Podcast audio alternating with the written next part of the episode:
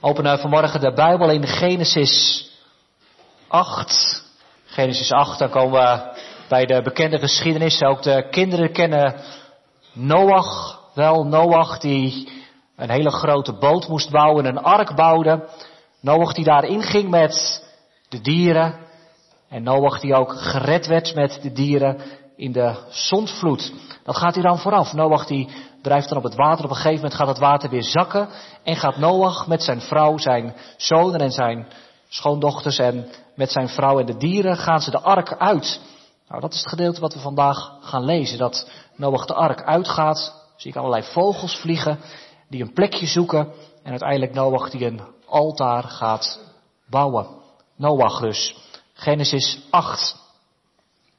En God dacht aan Noach en aan al de wilde dieren en al het vee dat bij hem in de ark was.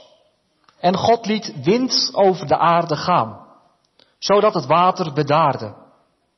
Ook werden de bronnen van de watervloed en de sluizen van de hemel gesloten.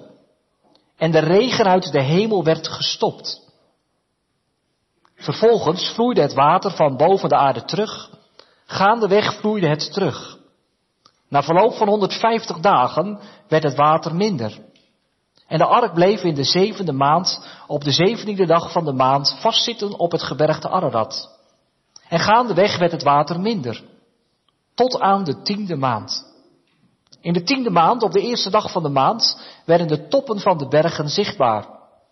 En het gebeurde na verloop van veertig dagen dat Noach het venster van de ark dat hij gemaakt had opendeed. En hij liet een raaf los, die heen en weer bleef vliegen, totdat het water van boven de aarde opgedroogd was. Daarna liet hij een duif van bij zich los, om te zien of het water op de aardbodem afgenomen was. Maar de duif vond geen rustplaats voor de holte van haar voet. Daarom keerde zij naar hem terug in de ark, want het water stond nog boven heel de aarde. Hij stak zijn hand uit, pakte haar en bracht haar bij zich in de ark. En hij wachtte nog eens zeven dagen. Toen liet hij de duif weer los uit de ark.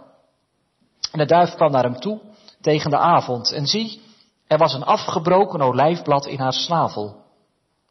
Daaraan merkte Noach dat het water op de aarde afgenomen was. Toen wachtte hij nog eens zeven dagen. Hij liet de duif los. Maar zij keerde niet meer naar hem terug. En het was in het 601ste jaar, in de eerste maand, op de eerste dag van die maand, dat het water van boven de aarde opgedroogd was. Toen nam Noach het luik van de ark weg en keek naar buiten. En zie, de aardbodem was opgedroogd. In de tweede maand, in de tweede maand, op de 27e dag van de maand, was de aarde droog geworden. Toen sprak God tot Noach, ga de ark uit, u, uw vrouw, uw zonen en de vrouwen van uw zonen met u. Laat al de dieren die bij u zijn, van alle vlees, de vogels, het vee en alle kruipende dieren die over de aarde kruipen met u naar buiten gaan. Zodat zij zich overvloedig uitbreiden op de aarde. En vruchtbaar zijn. En talrijk worden op de aarde. Toen ging Noach naar buiten. En zijn zonen, zijn vrouw en de vrouwen van zijn zonen met hem. Alle dieren, alle kruipende dieren en alle vogels, alles wat zich op de aarde beweegt, overeenkomstig hun soorten, gingen de ark uit. En Noach bouwde een altaar voor de Here. En hij nam van al het reine vee en van alle reine vogels en bracht brandoffers op dat altaar. En de Heere rook die aangename geur. En de Heere zei in zijn hart, ik zal de aardbodem voortaan niet meer vervloeken vanwege de mens. De gedachtespinsels van het hart van de mens zijn immers slecht van zijn jeugd af. En ik zal voortaan niet al het levende meer doden, zoals ik gedaan heb. Voortaan, al de dagen van de aarde, zullen zaaitijd en oogsttijd, koude en hitte, zomer en winter, dag en nacht niet ophouden. Zo over de lezing uit het woord van onze God. Bijzondere geschiedenis. Noach die mag weer op de aarde gaan wonen met zijn vrouw, met de dieren die de ark uitgaan. Ik moest wel even denken aan die vogel, die duif. Je ziet het zo voor je, die duif met, die, met dat olijfblad in haar snavel. En toen ik dat zo las deze week weer, dacht ik van ja, wat verlangen we daar ook naar? Naar zo'n duif, een olijfblad, een teken van vrede in deze wereld vol van onvrede. Wereld waarin strijd is, strijdt ook Israël, de vredesduif. Je ziet hem ook hier komen. God die ook met zijn vrede naar ons toe komt. Maar ook een prachtig beeld. Die duif die weer zo de ark wordt ingehaald. Speurtje die zegt bij dit gedeelte. Mooi in een preek zegt hij daarbij van. Uh, je kunt in de kerk soms je zo als die duif voelen. Je vliegt wat over de wereld. Overal zie je onrust. Uh, je bent zelf onrustig. Je vindt geen rustplaats voor je voet. En, en wat is het dan rijk als God je dan in de ark trekt. Als beeld van Gods genade. God die veiligheid geeft, redding geeft door zijn zoon, de Heer Jezus. Voor vanmorgen gaan we stilstaan bij het gedeelte wat aan het slot staat, vers 20 tot 22, waar Noach een altaar bouwt. En Noach bouwde een altaar voor de Heer. Dat is uitgangspunt voor de verkondiging. Noach bouwde een altaar voor de Heer. Het land valt droog. Ik denk aan een oude visser die door de Flevopolder reed. Reed er in een auto, maar in zijn jeugd had hij daar nog gevist. En hij zei tegen de anderen die in de auto zaten van nou, als ik het goed heb dan gaat straks de weg wel een klein beetje omhoog. Niet zo heel erg natuurlijk, want uh, het is vrij vlak. Maar, maar, hij wist dat nog wel. Van toen hij daar gevist had in zijn jonge jaren. Hoe die zeebodem liep. En dat daar ook verschil in hoogte zat. Het land viel droog en jaren later reed hij daar dus met de auto. En wat was het veranderd? Was totaal anders geworden, want het land is bebouwd geraakt. Huizen gebouwd, inmiddels als je door de Flevopolder gaat. Grote stad Almere. Spoorlijnen, wegen. Overal boerderijen en dorpen. Het land wordt bebouwd. Maar waar begin je nou eigenlijk? Als het land droog valt. Waar begin je als het water gezakt is? Nou eens naar Noach kijk.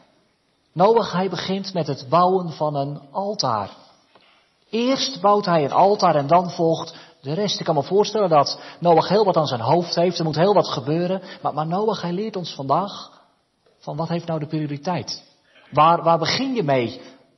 Noach hij start met het altaar. Een altaar voor de Heer. Dat is ook het thema voor de verkondiging vanmorgen.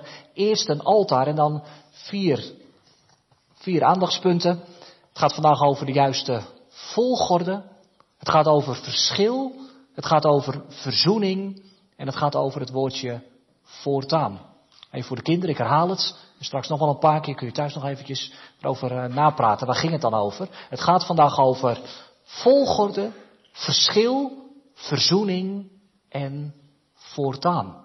Eerst een altaar. En, en dan gaat het dus over de juiste volgorde, want dat, dat, is iets wat we van Noach leren.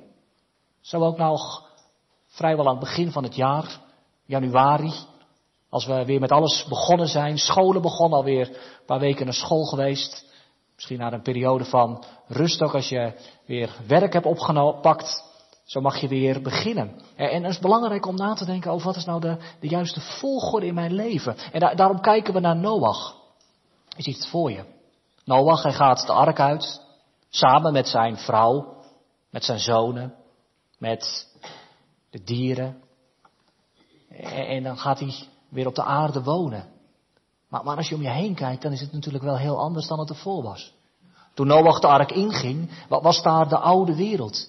Waren daar allemaal mensen waar hij mee had opgetrokken, waar hij mee had geleefd?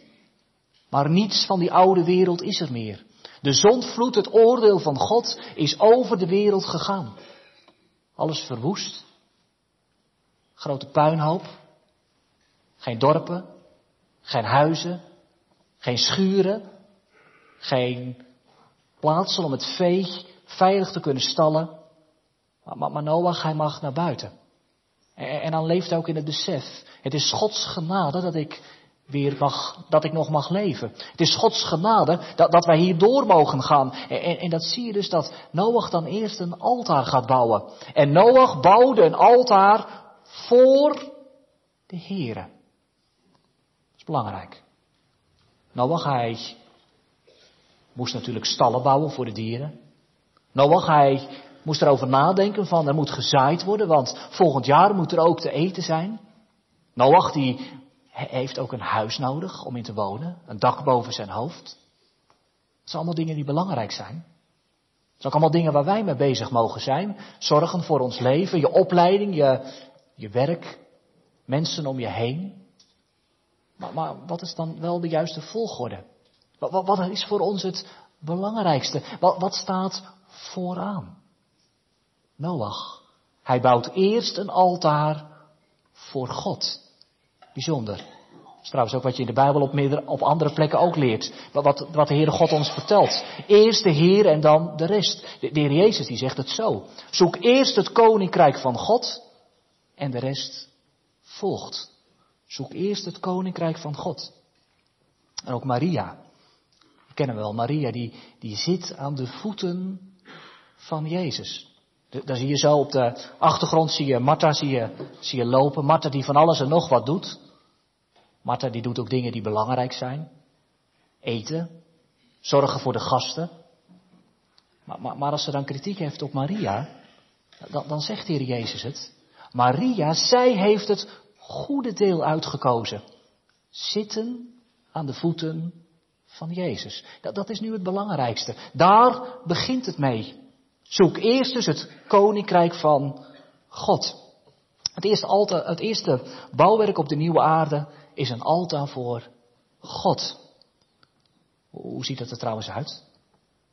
Als je even meekijkt, dan zie ik daar Noach, dan zie ik daar zijn zonen, zie ik daar zijn schoondochter, dan zie ik daar zijn vrouw, dan, dan zie ik daar ook dat altaar. Nou, ik denk dat het geen heel bijzonder groot offer of altaar geweest is. Noach die heeft daar ook de tijd niet voor gehad. Maar, maar als ik verder lees in de Bijbel, dan, dan, dan zie je ook dat het belangrijk is dat een altaar voor God gebouwd wordt van ruwe stenen. Geen altaar dat helemaal mooi gemaakt wordt. Geen stenen die bewerkt worden, maar, maar, maar de ruwe stenen die daar op de aarde liggen. Noach hij haalt ze bij elkaar. Zijn zonen die helpen daar waarschijnlijk bij. En, en van die ruwe stenen wordt het altaar gemaakt. Er zit ook voor vanmorgen wel een les in. Als je nou zo hier vanmorgen in de kerk bent. En het gaat over de juiste volgorde. Het gaat over God op de eerste plaats. Eerst de Heere God. Daar kun je natuurlijk een heleboel gaan verzinnen. Om, om jezelf voor God op te poetsen. Om jezelf beter voor te doen. Maar, maar, maar Noach, hij brengt de ruwe stenen en daar maakt hij het altaar van. Daarmee verschijnt hij voor God. En zo vanmorgen ook wij. Wij mogen voor God verschijnen. Met wie wij zijn. We hoeven ons niet op te poetsen. We hoeven ons niet beter voor te doen dan wie we zijn. Maar het gaat erom dat wij vanmorgen dat altaar hebben. Dat we gericht zijn op God. Hij op de eerste plaats. Eerst dus een altaar. Een altaar van, van lof en dank. En dan lees je het ook, dat het voor de Heere een lieflijke geur is. De Heere. Hij accepteert dat altaar. Het offer dat gebracht wordt. Even in ons leven. Als we daar nou zo bij staan vanmorgen. Eerst een altaar. Noach die God op de eerste plaats staat, zet. Hoe is dat nou eigenlijk in ons leven? We zijn bezig met ons werk, school, gezin, vriendschappen. Er zijn natuurlijk allerlei dingen in ons leven die wij belangrijk vinden. En we zijn zo in het nieuwe jaar alweer een paar weken onderweg. En, welke plaats heeft God daar nou in gekregen? Ja, zegt u, ik ben vanmorgen toch in de kerk. Dus inderdaad, de, Heere God heeft daar een plaats in. En, en, God krijgt ook ruimte in het leven. Maar, maar, maar een van de grootste problemen in onze tijd is dat, dat wij vaak de dingen zo scheiden van elkaar. Stukje van ons leven voor de Heere God. Stukje voor ons werk. Stukje voor onze vriendschappen. Stukje voor ons gezin. Maar, maar wat ik nou van Noach vanmorgen leer, en, en, dat is heel belangrijk, dat God voorop gaat. Dat, hij op de eerste plaats wil staan. Dat, de Heer zegt, geef je hart aan mij. Laat, laat heel je leven door dat altaar gedragen worden. Dus, dus niet een stukje van je leven, maar, maar, maar het startpunt. Zoek eerst het koninkrijk van God. Je zou het zo kunnen zeggen, ehm, als het nou gaat om het begin van je dag, begin je met God. Vraag je heren, wilt u nou vandaag mijn leven leiden? Wilt u mijn leven regeren? En aan het eind van de dag, dat je ook weer bij de Heere God terugkomt. Om zo'n offer te brengen van lof en dank. Om God te zoeken. Dat is belangrijk. En dat leren wij dus van Noach. De juiste volgorde. God op de eerste plaats. En dat dat dan overal doorheen gaat. Dat dat het belang is voor alle dingen in het leven. Even een voorbeeld. Ehm, zodat we het ook een beetje kunnen onthouden. Uh, vorige maand was het denk ik uh, bij ons aan de Klinkenbergenweg, een huis wat verderop, daar werd het dak vernieuwd. Nou, hoe gaan ze dat dan doen? Uh, is het dan zo dat die mensen die het dak gaan vernieuwen, dan klimmen ze naar boven en, en halen ze de dakpannen eraf? Nou, viel me op dat ze dat anders deden. Er werd eerst een steiger gebouwd, zo rondom. En die steiger werd, werd, netjes opgetrokken. Daarna gingen ze het dak op om de dakpannen eraf te halen eh, en de boel te vernieuwen, aan te passen. Eh, en toen het vernieuwd was, nou, dan werd de stijger weer afgebroken. Dat, dat, is de juiste volgorde, want als je het andersom doet, begrijpen jullie ook wel, als je eerst het dak opklimt en, en, dan later een stijger gaat bouwen, dat is onzin. Ik bedoel, want dan heeft die stijger geen zin meer. Die, die bouw je eerst. De juiste volgorde is van belang. Eerst de stijger, dan het dak op, dan repareren. En aan het eind dan breek je de steiger weer af. Nou, nou, zo is het ook in het, in het leven met God. De juiste volgorde. Eerst de Here en dan de rest. Dat is de juiste volgorde, want anders krijg je ongelukken. Nou, dat is de V van volgorde. Eh, we gaan naar een volgende V. Dat is de V van verschil. En Noach bouwde een altaar voor de heren. En hij nam van al het reine vee en van alle reine vogels. En bracht brandoffers op dat altaar. Opvallend is dat er een, uh, een verschil is. Reine, rein vee en reine vogels. Ik zie daar het altaar. En er wordt onderscheid gemaakt tussen rein vee en onrein vee. Wat is er aan de hand?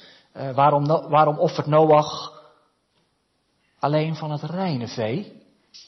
Nou zegt iemand, dat, dat lijkt me nogal logisch. Want als je even, even teruggelezen hebt, dan, dan zie je toch dat um, er zeven paar van het reine vee is meegenomen.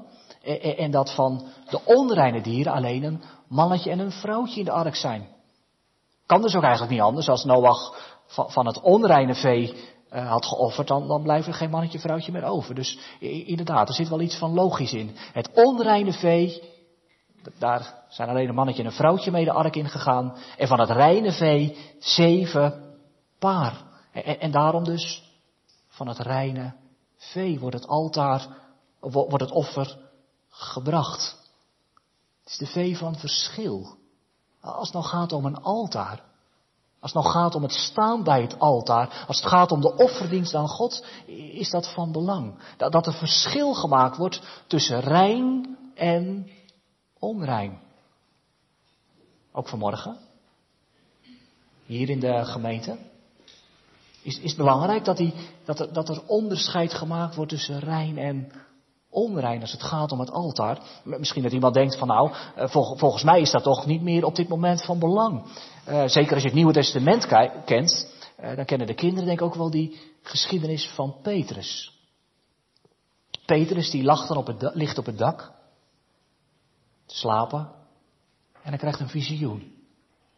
Komt een groot laken, met allemaal dieren, rein vee, vee, vee dat gegeten mag worden en volgens de Joodse wet en andere dieren die niet gegeten mogen worden. Ik ga het nou niet helemaal uitwerken, want dat, dat voert wat te ver. Maar in, in ieder geval, Petrus die krijgt de opdracht, slacht en eet. De Heere God zegt eigenlijk, geen verschil. Hoe zit dat? Nou, dat blijkt uit het vervolg. Want dan komt er uh, een Romein die, vraagt of God in zijn huis wil, of, Petrus in het huis van die Romein wil komen. En, en dan zegt de Heere God eigenlijk tegen Petrus, er is geen verschil tussen de volken van deze wereld. Het evangelie van de Heer Jezus is bedoeld voor alle mensen. Of je nou Jood bent, of je nou Heiden bent, of je nou Nederlander bent, of dat je nu Chinees bent, of dat je waar dan ook waar je vandaan komt. Het evangelie is bedoeld voor alle volken van de wereld. Geen verschil. Ook belangrijk voor vanmorgen. Uh, hoe je hier in de kerk bent gekomen. God maakt geen onderscheid. De, de Heer wil niet dat er iemand verloren gaat. De Heer zegt niet, de boodschap van, van het evangelie en de vergeving is wel voor u en, en niet voor jou. Nee, het onderscheid komt, of het evangelie komt naar ons allemaal toe. Geloof in de Heer Jezus en je bent gered. Wie tot Jezus komt, die heeft het eeuwige leven. Het evangelie komt zonder onderscheid naar ons toe. En daarom hoef je vanmorgen ook niet te denken van, het zal wel niet voor mij zijn. Want de Heer wil het aan ons allemaal kwijt. Hij wil het ons allemaal geven. Dus geen verschil als het gaat om de boodschap, als het gaat om het aanbod van Gods genade. Dus je hoeft vanmorgen ook niet te denken van nou, um, er is zoveel mis in mijn leven. Met, met, mij zal het wel niet meer goed komen. Dan, dan hoor je vanmorgen het evangelie. Geloof in de Heer Jezus. En er is redding. Geen verschil. En, en toch, als het gaat om het altaar, wordt er wel onderscheid gemaakt. Juist als het gaat om de offerdienst. Als we rondom het altaar staan, is het zo belangrijk dat we weten van verschil. Dat, dat we het verschil kennen tussen rein en onrein. Belangrijk, juist ook in het Nieuwe Testament. Ik lees in 1 Petrus 2, eh, daar staat het volgende. Eh, de gemeente is geroepen tot een heilig priesterschap om geestelijke offers te brengen die God welgevallig zijn. En dan zegt apostel Petrus erbij, je weet wel, Petrus die dat laken gekregen, gezien had.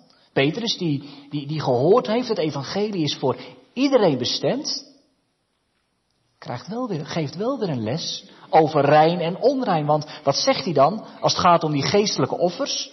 Breng die offers en dan gelijk, leg af alle slechtheid, alle bedrog, huichelarij, afgunst en kwaadsprekerij.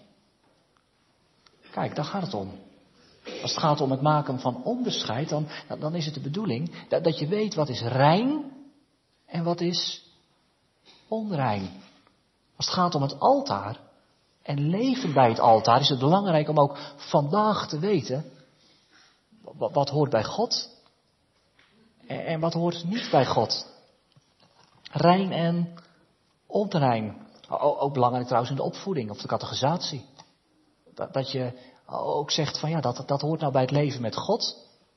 En, en dat gaat tegen God in, dat is onrein. Bijvoorbeeld op je telefoon. Dat, dat je weet, deze pagina is onrein, porno.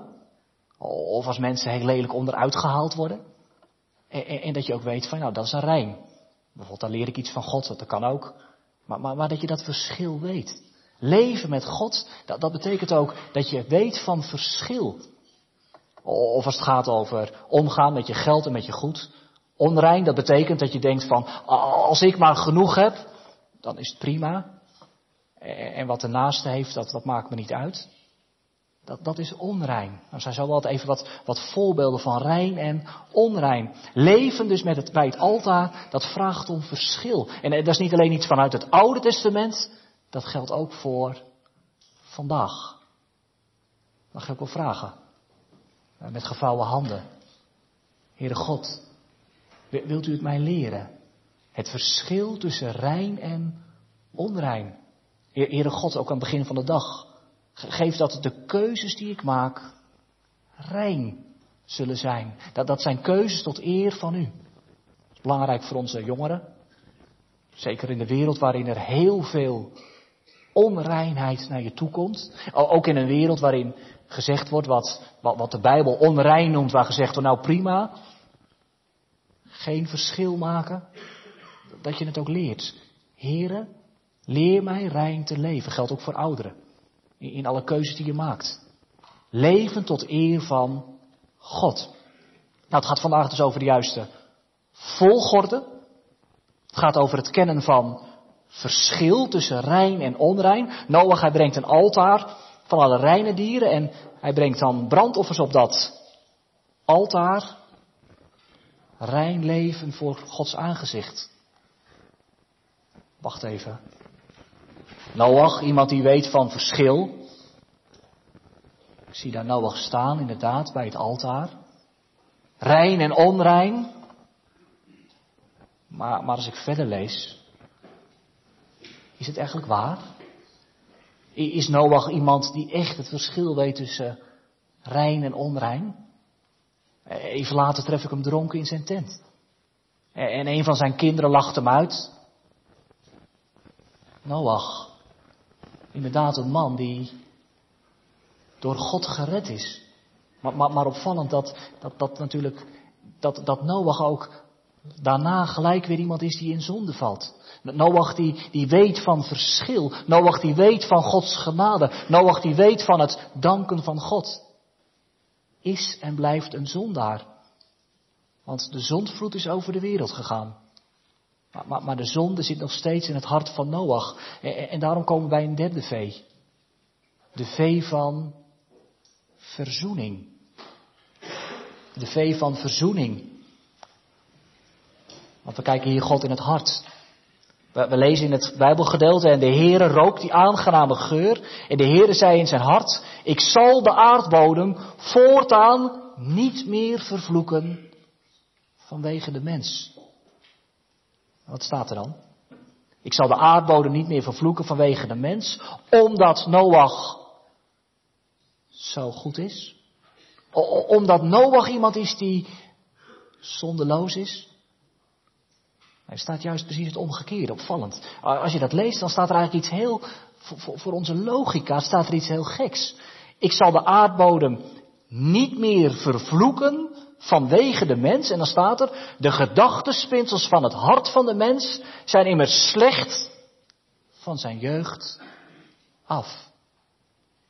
Er staat precies het omgekeerde. De gedachtespinsels van de mens, alles wat er uit ons uit ons hoofd en uit ons hart naar voren komt, slecht. Van jongs af aan. Calvijn die, die, die zegt over de mens, we, we zijn afgodenfabrieken. Dat betekent we zijn steeds maar weer afgoden aan het verzinnen. Er, er komt uit onze gedachten kwaad voor, voort. Ja, dat zijn wij. U, jij en ik. Mensen die kwaad zijn, slecht van onze jeugd af. Vallend, hè? Als je zo de eerste hoofdstukken van Genesis leest, dan, dan, dan krijg je een heel duidelijk beeld van wie mensen zijn.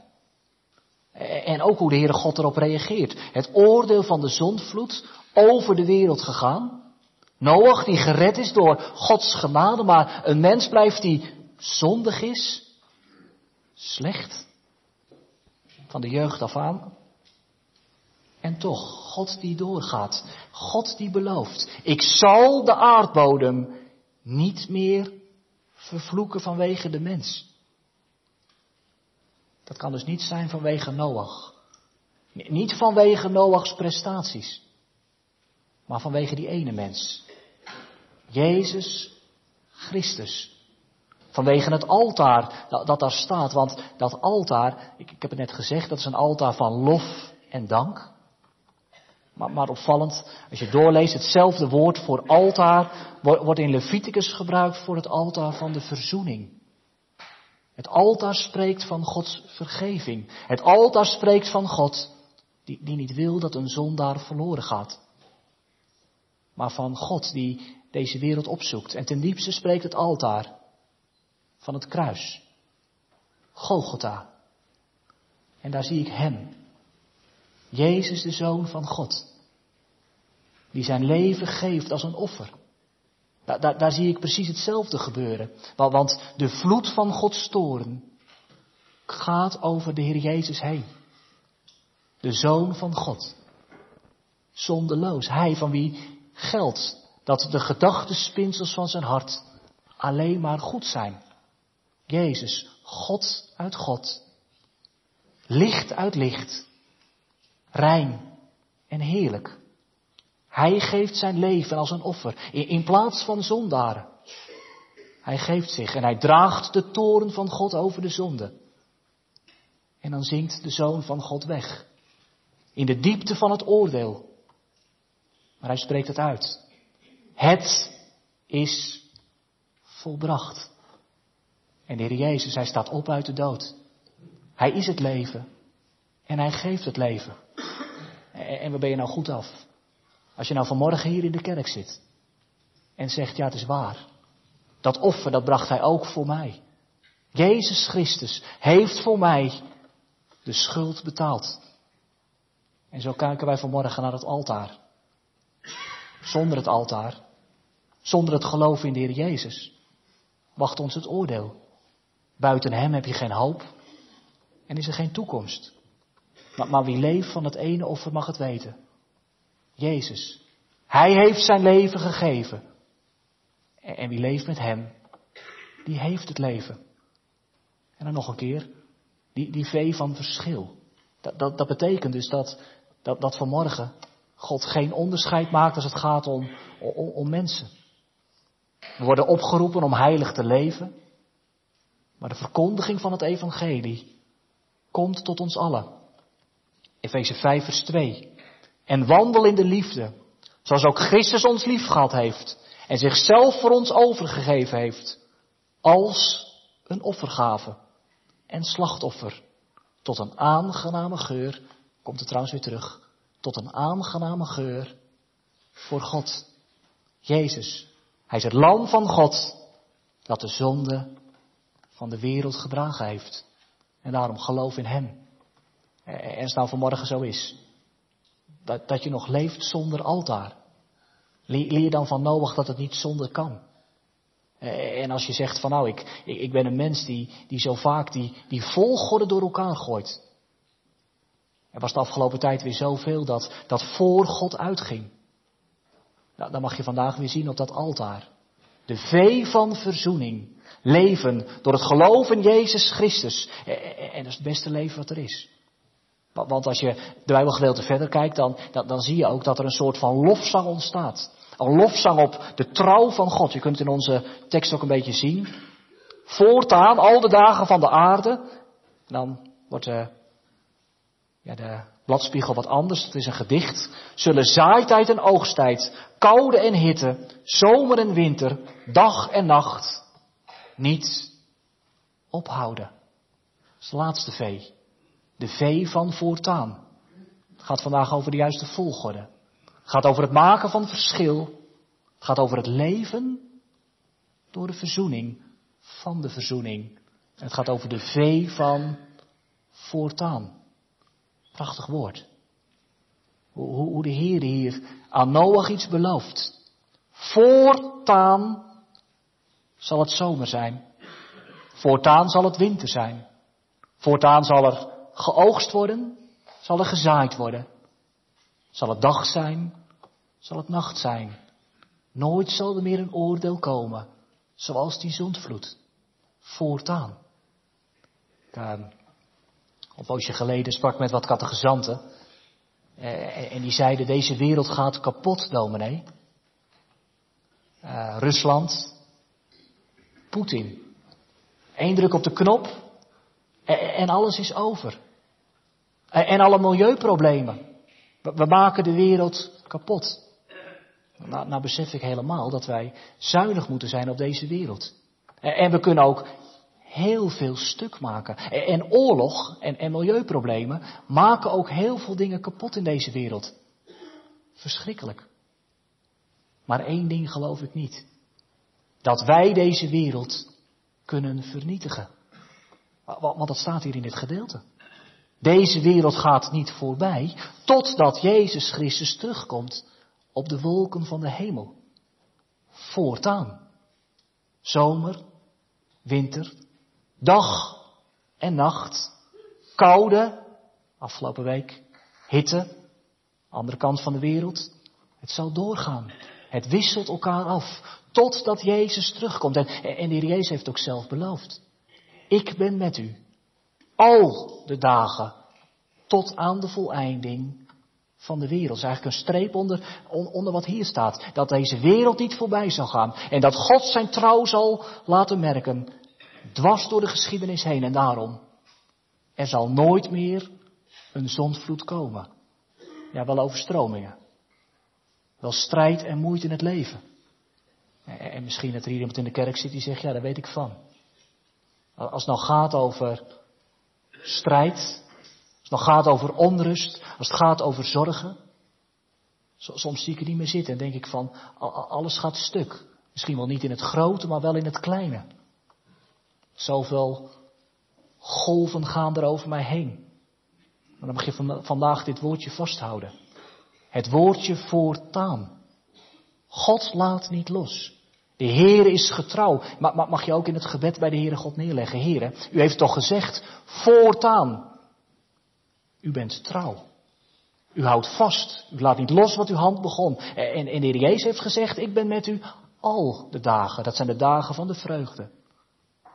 De dagen waarin je God mag danken. Voor al het goede. Het zijn ook de dagen van de aanvechting. Als je denkt, hoe moet het verder? Dan mag je dat neerleggen en vragen, heren, maak uw belofte waar. In tijden van vreugde, in tijden van zorgen. Voortaan, een prachtig woord. Dus iets om mee te nemen. In je gebed iets om mee te nemen. Om bij de Heere God terug te leggen. Want als je bidt op grond van Gods belofte, dan, dan maakt de Heere God het waar. Hij laat niet los. Hij is trouw. Totdat Hij komt. En zo mogen we uitzien naar die grote dag. Wat, zal dat goed zijn? Als de Heer Jezus Christus terugkomt, wat zal het rijk zijn voor hen die leven met een altaar. Als je het geleerd hebt. Eerst een altaar, de juiste volgorde. Als je ook vraagt met gevouwen handen, heren, leert u mij te leven met, met dat verschil, dat, dat ik het onderscheid weet tussen rein en onrein. Heer, ik dank u voor die vee van verzoening. Dat het offer gebracht is, dat ik niet kan brengen. Door uw zoon, de Heer Jezus. En, en, dat het offer er staat. En dat ik mag leven van het offer. Heer, ik dank u voor de vee van voortaan. Dat geeft hoop, dat geeft toekomst. Voor vandaag, voor morgen en voor eeuwig. Amen.